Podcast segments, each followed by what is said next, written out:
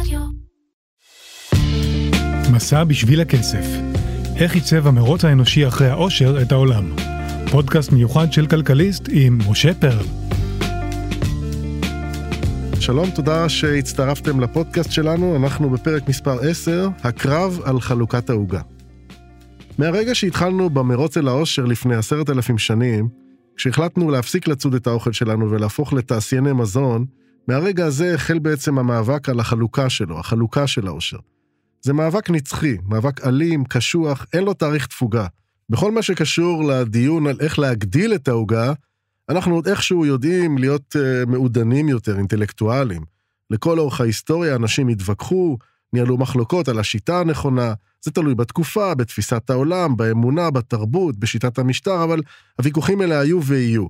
אבל כשמגיע הרגע שבו צריך להחליט איך מחלקים את העוגה, לא איך להגדיל אותה, איך לחלק אותה, מי מקבל איזה חלק, למי מגיע נתח גדול יותר מהעושר, כשזה מגיע, זה תמיד נגמר בכסח. הרבה דם יישפך על זה לאורך ההיסטוריה. יש כמה וריאציות קבועות למאבק הזה. יש את המאבק שבו קבוצה אחת ששולטת על הפעילות, עושה הכל כדי שכל האחרים יהיו חייבים להעביר לה את הכסף שלהם שיפרנסו אותה. שהם יהיו לקוחות שבויים כי הם תלויים בה, לקבוצה הזאת אנחנו קוראים מונופול. המונופול ייאבק כדי לשמור על הפוזיציה שלו, על התלות של הלקוחות בו. יש מאבק בין קבוצות אינטרסים, שהוא המאבק הכי שכיח. קבוצות שונות עם אינטרסים שונים, קבוצות לחץ, הן רבות על חלקים מעוגת העושר. ויש את המאבק בין המחר לבין האתמול. גם הוא מאבק, סוג של מאבק בין קבוצות לחץ, קבוצות אינטרסים, אבל מה שמאפיין אותו, זה שהוא מאבק בין אנשי הסדר הקיים, אלה שחוששים מכל שינוי כי הוא עלול להקטין את החלק שלהם בעוגה, לבין אנשי החדשנות, אלה שחותרים לשנות את הסדר הקיים. זה מאבק בין השמרנות לבין המודרנה, בין המסורת לבין הקדמה. במאבקים האלה על חלוקת העושר, אנחנו רואים המון מקרים שבהם הצדדים רותמים לצורך המאבק שלהם את האמונה. לפעמים זאת תהיה אמונה דתית, כן, מגיע לי כי אלוהים חושב ככה, הוא החליט על זה, זה לא אני, זה הוא, הוא בחר אותי, הוא ציווה, הוא קבע. זה היה המצב לאורך רוב ההיסטוריה האנושית. ולפעמים זאת תהיה אמונה ברעיון או באידיאולוגיה. צריך לחלק את העוגה כך וכך, כי אני מאמין בשוויון, או צריך לחלק אותה כך וכך, כי אני מאמין בחופש שמתגמל כישרון, או כי אני מאמין בכוח, לא חשוב, כל אחד והאידיאולוגיה שלו. אז בואו רגע נדבר על המאבק מהווריאציה הראשונה. מאבק של קבוצה שהיא מונופול, קבוצה שיודעת להשתמש בכוח השוק שלה כדי לזכות בנתח עצום מהעוגה הלאומית. אני לוקח אתכם עכשיו 2,600 שנים אחורה, כדי להכיר לכם את אחד המונופולים הכלכליים החזקים בהיסטוריה שלנו, בית המקדש. האמת שנראה לי שכדאי להתחיל אפילו עוד קצת קודם, כמה שנים אחורה עוד יותר, הרבה לפני שנבנה בית המקדש בירושלים, כדי להבין משהו על הפולחן שאחרי זה יתקיים בו, פולחן הקרבת הקורבנות. תראו, ככל שהתפתחנו כבני אדם ונטשנו את שיטת הציד, גידלנו מצפון, אימצנו ערכים שונים, פיתחנו רגשות רבים. כל אלה די הפריעו לנו לאכול בעלי חיים אחרים. תחשבו על זה, לאכול בעל חיים זה לא כמו לשים בצלחת קולורבי. לחיה יש רגשות, היא חיה, צריך להרוג אותה כדי שהיא תשמש לנו מזון, זה חתיכת אירוע. היא צועקת, היא בוכה, היא נאבקת, יורד לה דם, אני לא רוצה להרחיב בתיאור הזה, אבל ברור לגמרי שזה אירוע מאוד מאוד לא נעים. הוא מייסר אותנו עד שאנחנו מקבלים בעצם את המזון שלנו בצורה של שניצל בצלחת. ולכן כבר לפני אלפי שנים, וזו הדעה של יותר ויותר חוקרים, גייסנו את הדעת לעניין הזה. תרבויות רבות אימצו את שיטת הקרבת הקורבנות, כל אחד לאלים שלו כמובן, אבל זה עשה את העבודה. עכשיו היה לבני אדם הרבה יותר נוח לשחוט חיה, כי זו מצווה, כי זה נעשה בהוראת האל. עכשיו אנחנו בסך הכל מקיימים הוראות, זה לא אנחנו, זה בורא עולם. ככה האוכל עבר לנו הרבה יותר טוב בגרון. זו הייתה עסקה פסיכולוגית כזאת שיש לה שני מרוויחים ומפסיד אחד. כהן הדת הרוויח, כי הוא קיבל לאחר השחיטה את האיברים הראויים למאכל, בדרך כלל אגב, האיברים היותר טובים של החיה, והמשפחה שרכשה את החיה, קיבלה חלק מהנתחים למאכל, וגם זכתה במצווה. ומי המפסיד אתם שואלים? כמובן, בעל החיים שעלה לקורבן. מי שידע לשכלל את העיקרון הזה, הייתה אליטה שנקראה כהנים, ששלטו בבית המקדש לפני 2,600 שנים. המצב בארץ אז היה כזה שהעלאת קורבנות התאפשרה בהרבה מאוד מקומות, היו מזבחים בכל רחבי הארץ. ואז מופעלת בארץ רגולציה חדשה, רגולציה שנקראת חוק ריכוזיות הפולחן. יכול להיות שהייתה יוזמה של הרגולטור, כלומר השלטון, יכול להיות שקבוצת אינטרסים כלכלית עמדה מאחורי המהלך הזה, אבל דבר אחד ברור, הכוהנים של בית המקדש בירושלים תמכו בכל דרך ברפורמה הזו, כי היא קבעה דבר מאוד פשוט. מעכשיו, אסור להקריב קורבנות בשום מקום אחר, זולת בית המקדש בירושלים. מאותו רגע, הופך הציבור הרחב לקהל שבוי של המונופול הירושלמי, ומכאן ואילך ידעו ראשי המונופול הזה להעצים אותו ולתרגם את הבלעדיות שלהם על שירותי פולחן דתי להמון המון כסף. זה הופך להיות ביזנס. בית המקדש היהודי יהפוך למונופול דורסני, עשיר, מאוד מאוד ריכוזי, שמגלגל סכומי עתק. בעצם הוא יהפוך למרכז הפעילות העסקית של היישוב היהודי. בית המקדש הוא עסק ענקי. המון מזבחים ומקדשים, שבהם נהגו להקריב קורבנות נסגרים, וכמובן שמחזורי הפעילות של סניף ירושלים מזנקים, ובעלי השליטה הולכים ומעצימים ונותנים יותר ויותר שירותים. הם פותחים מקוואות בהר הבית כדי לאפשר טהרה לעולי הרגל שבאים לקיים את הפולחן הדתי, הם הקימו חנויות לממכר חיות שמתאימות לקורבן.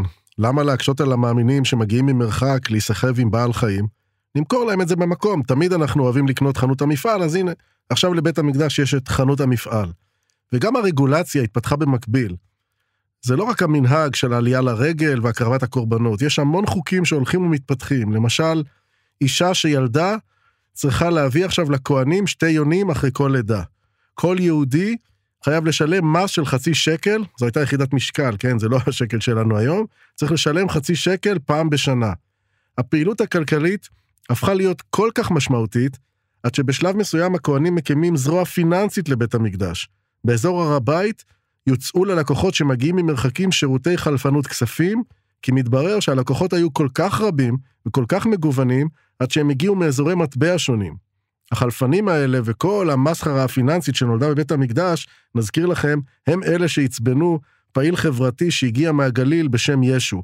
אני לא אכנס לכל המניעים שלו, אפשר למצוא את זה בספר שלי, מסע בשביל הכסף, שעליו אנחנו מבססים את הפודקאסט הזה, אבל נזכיר רק שהוא תקף אותם, הפך את הדוכנים שלהם ממש באופן פיזי, וכמובן, כל השאר היסטוריה. אז אם נחזור לעניין שלנו בנושא מונופול, האופן שבו ניצל המונופול המטורף שהתפתח לו בבית המקדש, הפך להיות מושחת, הוא העשיר מאוד את בעלי השליטה באופן באמת מדהים. יש ממצאים ארכיאולוגיים שמוכיחים שהכוהנים בנו להם וילות מנקרות עיניים באזור הר הבית. אנחנו יודעים היום שהם היו האוכלוסייה היחידה באותם ימים שזכתה לאכול בשר כל יום, כן, זה מהקורבנות. מחזורי ההכנסות שלהם היו כל כך גדולים, עד שבשלב מסוים היו צריכים להקים מחלקת כספים עם ארבעה גזברים בבית המקדש. כשהרומאים החריבו את בית המקדש השני בשנת 70 לספירה, הם מצאו בו כמויות זהב כל כך גדולות, עד שהיסטוריונים טוענים שכאשר הזהב הזה הובא לאירופה, ירדו מחירי הזהב ביבשת. הכמות פשוט הייתה עצומה, ופשוט היה המון המון זהב. המסורת היהודית טוענת שהמונופול הזה הפך להיות מושחת, כלומר הפעילות העסקית זיהמה את קדושת ההיכל הזה, וזו אחת הסיבות שעוררה את הכעס של אלוהים שהביא לחורבנו. הדוגמה הזו של בית המקדש היא מצוינת כדי להראות לנו כמה ותיק, כמה עתיק, הקונספט הזה של שליטה על קהל שבוי. מלפני אלפי שנים ועד היום בעצם לא חידשנו כלום. מי שמצליח להפוך את הלקוחות שלו לכאלה שתלויים בו, יזכה בנתח הגדול של עוגת העושר. זה לא באמת משנה אם זה בית המקדש לפני אלפי שנים, בעלי אחוזות בימי הביניים שהנהר עבר באחוזה שלהם וכדי לשוט שם נאלצת לשלם להם כל סכום, קראו להם אז הברונים השודדים, או גרסאות מאוחרות יותר. באמצע ימי הביניים קיבלנו את האימא של הפורמט שבו אנחנו שבויים לא של פירמה בודדת או של טייקון אחד, אלא של קבוצה מתואמת שמנצלת את כוחה לחלק את עוגת העושר באופן שיתאים לאינטרסים של חבריה. קראו לזה גילדה, שהיא בעצם התארגנות של סוחרים או התארגנות של בעלי מלאכה שפעלו באופן מתואם. הם החליטו ביחד על כמויות הייצור של המוצר שהם מוכרים לנו, הם תאמו את המחירים, הם קבעו את הסטנדרט, כלומר את איכות המוצרים, הכל היה מתואם באופן שסיפק לכל מי שהיה חבר בגילדות האלה הגנה מוחלטת מפני תחרות. אני רוצה להסביר, הגילדות האלה יכולות להגיע לממדים אדירים. קחו למשל את הדוגמה של הגילדה של ערי האנזה. מדובר בסוחרים שפעלו בערים לאורך הים הבלטי, איפה שהיום חופי גרמניה וקצת ממזרח לשם. הם סיפקו סחורות לכל אירופה ושינעו אותן דרך הים הבלטי.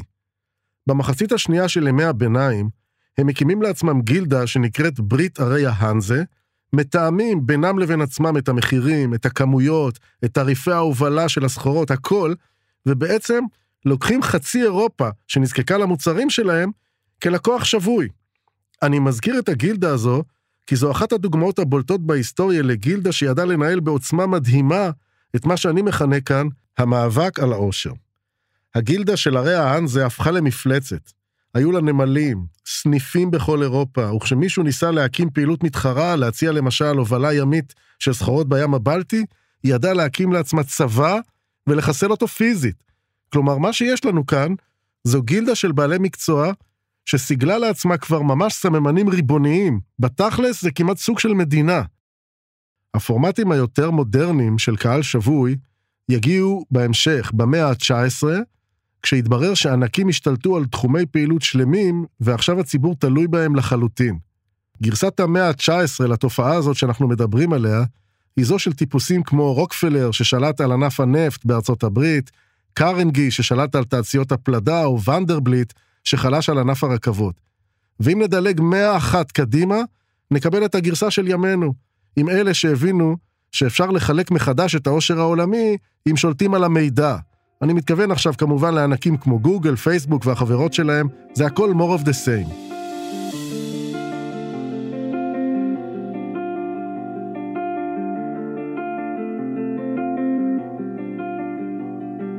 הווריאציה שבה מתנהל לו המאבק על חלוקת העושר לא על ידי מונופול, אלא כפייט, כמאבק בין קבוצות אינטרסים, גם היא עתיקה מאוד. זה המאבק הקלאסי שבו כל אחד מושך את השמיכה לכיוון שלו, והמקום שבו היא נעצרת, מביא בעצם לידי ביטוי את מאזן הכוחות הכלכליים. אנחנו רגילים לראות בזה סוג של ביטוי לדמוקרטיה. יש קבוצות שונות, עם אינטרסים שונים, ומי שמצליח לגייס יותר תמיכה באינטרסים שלו, זוכה לנתח גדול יותר בעוגה, בעוגת העושר. זה כמובן נכון, אבל צריך לדעת, מאבקים כאלה התרחשו בכל תרבות ובכל תקופה, הרבה לפני שמישהו חלם בכלל להמציא את השיטה הדמוקרטית, את הדמוקרטיה הפלורליסטית. בואו נעוף רגע לסין של ימי הביניים. היא הייתה מתקדמת הרבה יותר מאירופה, מפותחת כלכלית הרבה יותר מהמערב, ומה שהכי חשוב, היה לה צי אוניות סופר מתקדמות. זו סין שיש בה שתי קבוצות כלכליות מתחרות, מגזר ימי ומגזר חקלאי, ויש ביניהן תחרות ומתח תמידי, בעיקר אגב סביב שיעורי המס שצריך לשלם לקיסרות. הסיפור של התעשייה הימית הסינית הוא מעניין, כי מי שהוביל את כל הענף היה בחור מבריק בשם צ'אנג חה, שהיה מין סיפור סינדרלה סיני. במקור הוא בכלל היה מונגולי שנפל בשבי בידי הכוחות הסינים, אבל ידע לנתב את עצמו כך שעם השנים הוא מצא חן בעיני השובים שלו, הרשים אותם בכישרון שלו, הפך לקצין בחיל הים הסיני וטיפס במהירות במעלה הדרגות, עד שהפך להיות מפקד הצי, ממש, המפקד.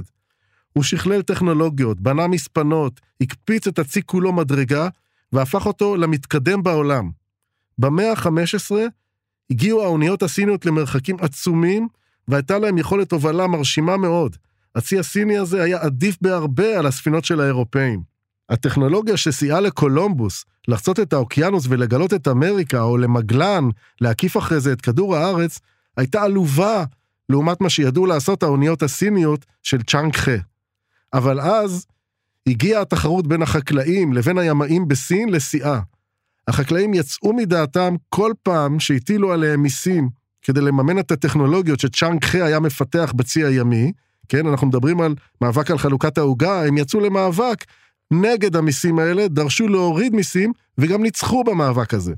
והמשמעות הכלכלית מבחינת סין כולה, הייתה לבלום את פיתוח המספנות, להפסיק את ההשקעות באוניות, וזה יצר כדור שלג שבעצם ייבש את התעשייה הימית של סין. כך בעצם שקעה התעשייה הימית הזו ואיבדה את הבכורה העולמית.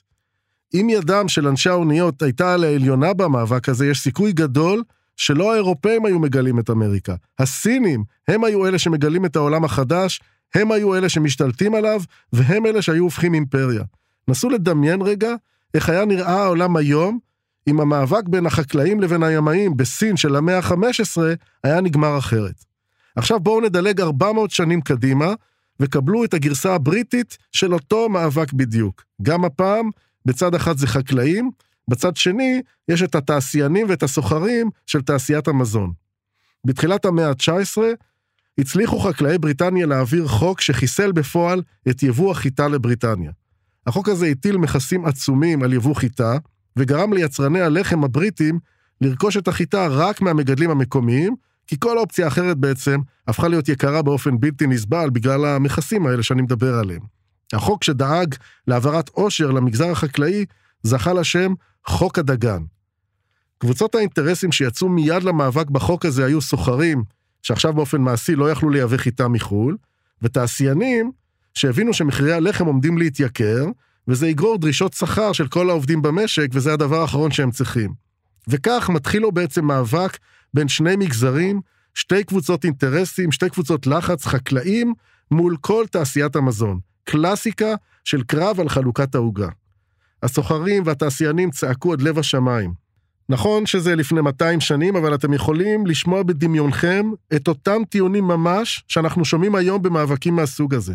הסוחרים מניפים את דגל יוקר המחיה, רוצים תחרות, מבקשים להוריד מכסה מגן, ואילו החקלאים מניפים את דגל העצמאות התזונתית, כן, חייבים לבסס את ענף המזון על תוצרת מקומית, מה פתאום שילדי בריטניה יהיו תלויים במגדלי חיטה צרפתים כדי להיות מסוגלים לאכול לחם.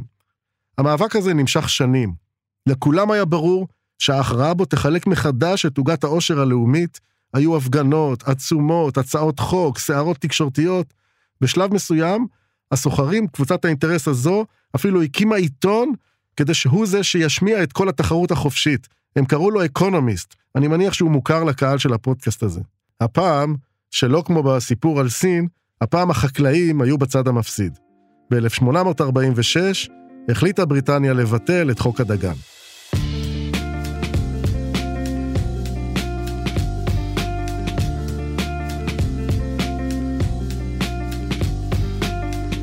בואו נדבר על הווריאציה השלישית של מאבקים על חלוקת העושר. זו שבה הצדדים נלחמים על חדשנות וקדמה מול שמרנות וקיבעון בסדר הישן. אבל כאן אני רוצה להגיד כמה מילים על חלקם של הפוליטיקאים במאבק הזה. הם תמיד רלוונטיים כי הם קובעים את כללי המשחק, אבל צריך לעלות רגע לגובה רב ולהתבונן מ-50 אלף רגל על הקשר המוזר הזה בין פוליטיקה וכלכלה. אם חושבים עליו לעומק, מתגלה לנו איזה פלונטר שהוא די קשה לפיצוח. מצד אחד, הפוליטיקה חייבת להיות מעורבת בכלכלה. מה זה מעורבת? כשמדובר בחלוקת העושר, היא לב העניין. בואו נחזור רגע לפרק הראשון של הפודקאסט הזה.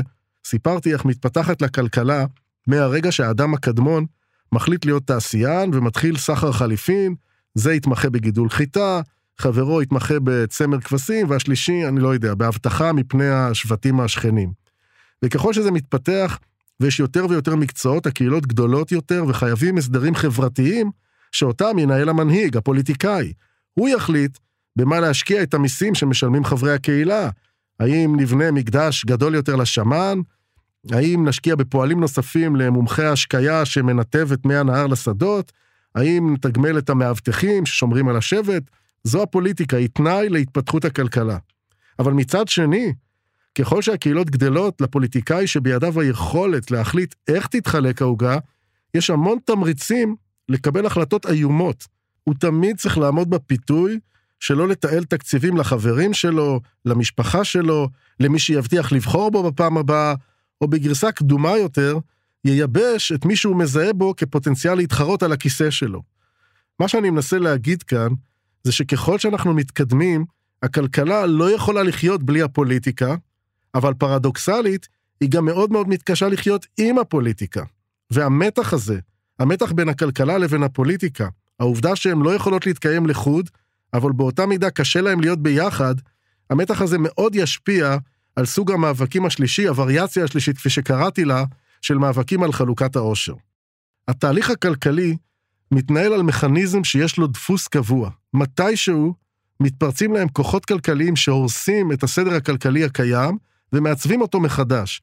כאילו מישהו עושה לכלכלה מין ריסטארט כזה, מכבה את המחשב, וכשהוא מודלק מחדש, אנחנו מוצאים את עצמנו בשלב הבא של תהליך הקדמה. התיאוריה הכלכלית קוראת למכניזם הזה הרס יצירתי. בדרך כלל הוא מתרחש כשאיזו טכנולוגיה חדשנית באה לעולם, מניעה את הקדמה, אבל על הדרך הורסת את הסדר הישן. אני יודע מה, תיקחו למשל כמה דוגמאות, כשהנרי פורד המציא את המכונית מדגם T שלו, נעלמו כרכרות הסוסים, מקצוע העגלון נעלם מהעולם. כשהומצאה המצלמה הדיגיטלית, קודק פשטה את הרגל ונהרס כל השוק של מצלמות הפילם. זה מה שעשה האייפון של אפל לטלפון של נוקיה, זה מה שעשתה המצאת הסטרימינג לספריות הוידאו, וזה מה שעושה היום המדיה הדיגיטלית לתקשורת ה-print, לעיתונות המודפסת. זה מה שנקרא הרס יצירתי. אנחנו אף פעם לא יכולים לדעת מתי יתפרצו כוחות ההרס האלה. מתי תצוץ פתאום איזו טכנולוגיה חדשה או המצאה שתשבש הכל ותיצור סדר כלכלי חדש, אבל אנחנו בהחלט יכולים לנבא איפה זה יתרחש, ובעיקר, איפה זה לא יקרה. כאן נכנס המקום של הפוליטיקה. מדינות, חברות, קהילות, שהצליחו לבנות מערכות שיש בהן מוסדות שמעודדים יזמות, טכנולוגיה, חשיבה מחוץ לקופסה, רצון להתעשר, חוק שווה לכולם. המדינות האלה הן המדינות שיש להן סיכוי טוב יותר להיות אלה שבהן התרחשו אירועי הרס יצירתי. אני יודע שאני נשמע לכם עכשיו מאוד תיאורטי, כמעט אקדמי, אבל זה ממש לא ככה. כל אחד מוזמן לבדוק את זה מול הסביבה שבה הוא חי, אוקיי? אם אתם חיים במדינה שיש בה חוק פטנטי מתקדם שמעודד יזמים לפתח המצאות, אם אתם במדינה שיש בה מערכת אכיפה נורמלית, למקרה שמישהו גונב לכם את הפטנט, יש לכם כתובת. אם אתם במדינה שהרגולטורים, שראשי מערכות האכיפה מתמנים לפי הכישורים שלהם, אם אתם במדינה שיזם שיש לו רעיון טוב יכול לקבל אשראי כדי לקדם את הרעיון הזה, אתם כבר מבינים את הרעיון שלי, אם זה אופי המוסדות במקום שאתם חיים בו, יש סיכוי שבמדינה שלכם ינבע את הדבר הבא. אבל אם המדינה שלכם היא כזו שראשי מערכות האכיפה הם מינויים פוליטיים, ואם הרגולטורים ממונים לפי מקורביזם, ואם אין חקיקה שתומכת קדמה, ואם מערכת האכיפה הזו היא כזאת שאם תבעתם מישהו שגנב לכם טכנולוגיה, עכשיו אתם צריכים להיגרר בבתי המשפט עשר שנים, צר לי. הסיכוי שאצלכם, בשכונה שלכם, במדינה שלכם, מתרחש לו אירוע של הרס יצירתי, הוא ממש לא סיכוי גדול. למה? כי המוסדות שנבנו אצלכם נועדו לשמור על האינטרסים של האליטה הקיימת. זו שמעוניינת לשמר את הסדר הקיים. זה מה שקורה במקומות שבהם שר התחבורה לא מוכן לאפשר לחברה כמו אובר לתת שירותי תחבורה שיתופיים, כי נהגי המוניות חוששים שעוגת העושר של ענף התחבורה במקרה הזה, היא תתחלק מחדש. וכמו המאבקים שהזכרנו מקודם, גם המאבק בין אלה שהאינטרסים שלהם הם שמרניים, לבין אלה שהאינטרסים שלהם חותרים למודרנה, מתרחש מהרגע שהומצאה בעצם הכלכלה. בואו נחזור רגע לסין, אותה סין של המאה ה-13 והמאה ה-14. זו מדינה מתקדמת בהרבה מאירופה שנמצאת בחשיכה של ימי הביניים. יש לסינים טכנולוגיות להקים סכרים, יש להם טכנולוגיה ימית שתיארתי, דיברתי עליה לפני רגע, הם יודעים לצקת ברזל כבר בתקופה הזאת, היה להם נייר, חרסינה, הם בהחלט דהרו על סוס הקדמה. באותם ימים, ממציא שם מישהו את אבק השרפה. לכאורה, מנוף עצום, מנוף טכנולוגי עצום לקדמה, בעולם שבו מייצרים עושר בעצם באמצעות כיבוש וביזה, אנחנו זוכרים את סוף ימי הביניים. אבל בתוך הצבא פועלת קבוצה של קצינים בכירים, שהאינטרס שלהם מתנגד לפיתוח טכנולוגיה חדשה. הם פוחדים שאם יפותח נשק חם, הוא יזלוג לקבוצות בדלניות, שיתפתו למרוד ויסכנו את מעמדם. כך קורה שהצבא הסיני בולם את פיתוח המצאת אבק השרפה. הדבר היחיד שהסינים עושים עם אבק השרפה זה זיקוקים וקולות רעם שנועדו להלהיב את החיילים, להרים להם את המורל. כמה אירוני לגלות שכעבור כמה שנים, כשהטכנולוגיה הזאת תגיע לאירופה, האירופאים ידעו לפתח את אבק השרפה לתותחים, לנשק חם, וזאת תהיה הטכנולוגיה שבאמצעותה יכבשו הבריטים את סין עצמה במלחמת האופיום שדיברנו עליה בפרקים הקודמים. הסמל הגדול של מאבק בין דוגלי הקדמה והחדשנות מול אנשי העולם הישן הוא מאבק אדיר שהתנהל בבריטניה בתחילת המאה ה-19. זה התחיל מבחור ששמו הפך למיתוס בשם נד לוד.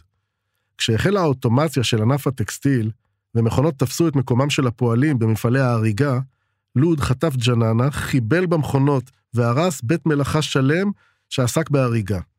הוא הפך למותג, הוא הפך לסמל. עד היום מתוארת דמותו בשירים וביצירות שעוסקות במאבקו של האדם נגד המכונה. ההתפרצות הזו של לוד סיפקה השראה לתנועה שלמה שתקום בבריטניה, תנועה שכינתה את עצמה לודיטים, וניהלה מאבק אלים ופרוע ביותר נגד מיכון בתי המלאכה והכנסת הטכנולוגיות שיתפסו את מקומם של העובדים. חבורת הלודיטים הזו פעלה בשיטות גרילה והטריפה את התעשייה הבריטית במשך שנתיים. המון רומנטיקה התפתחה סביב המאבק שלהם, הם ראו את עצמם מין רובין הודים כאלה. הם היו מסתתרים ביערות ופושטים על מפעלים ועל בתי מלאכה כדי להשחית מכונות ולמנוע לבלום טכנולוגיות חדשות. במשך חודשים המשטרה הבריטית הייתה חסרת אונים מול פעולות הגרילה של הלודיטים והתעשיינים היו ממש בפאניקה.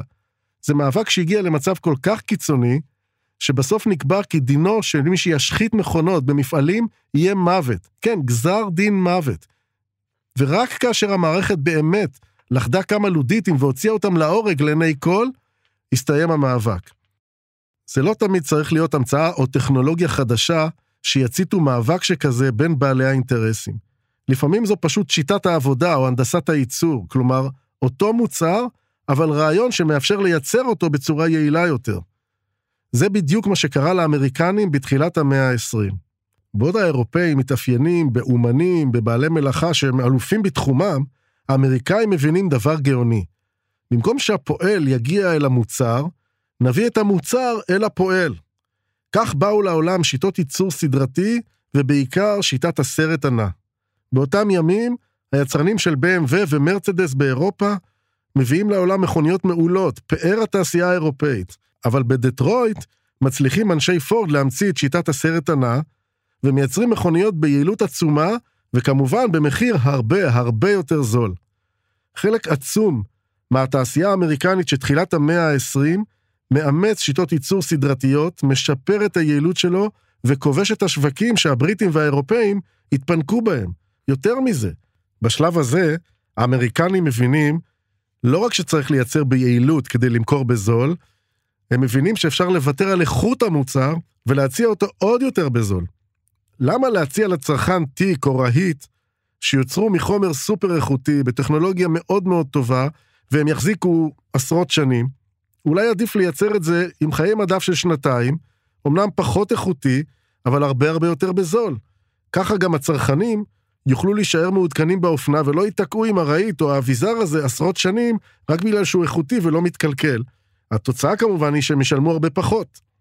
אחת הסיבות שכלכלת ארצות הברית עברה להוביל את העולם במאה ה-20 היא שיטות הייצור האלה. הם לא המציאו הרבה, הם פשוט עשו את הכל יותר חכם.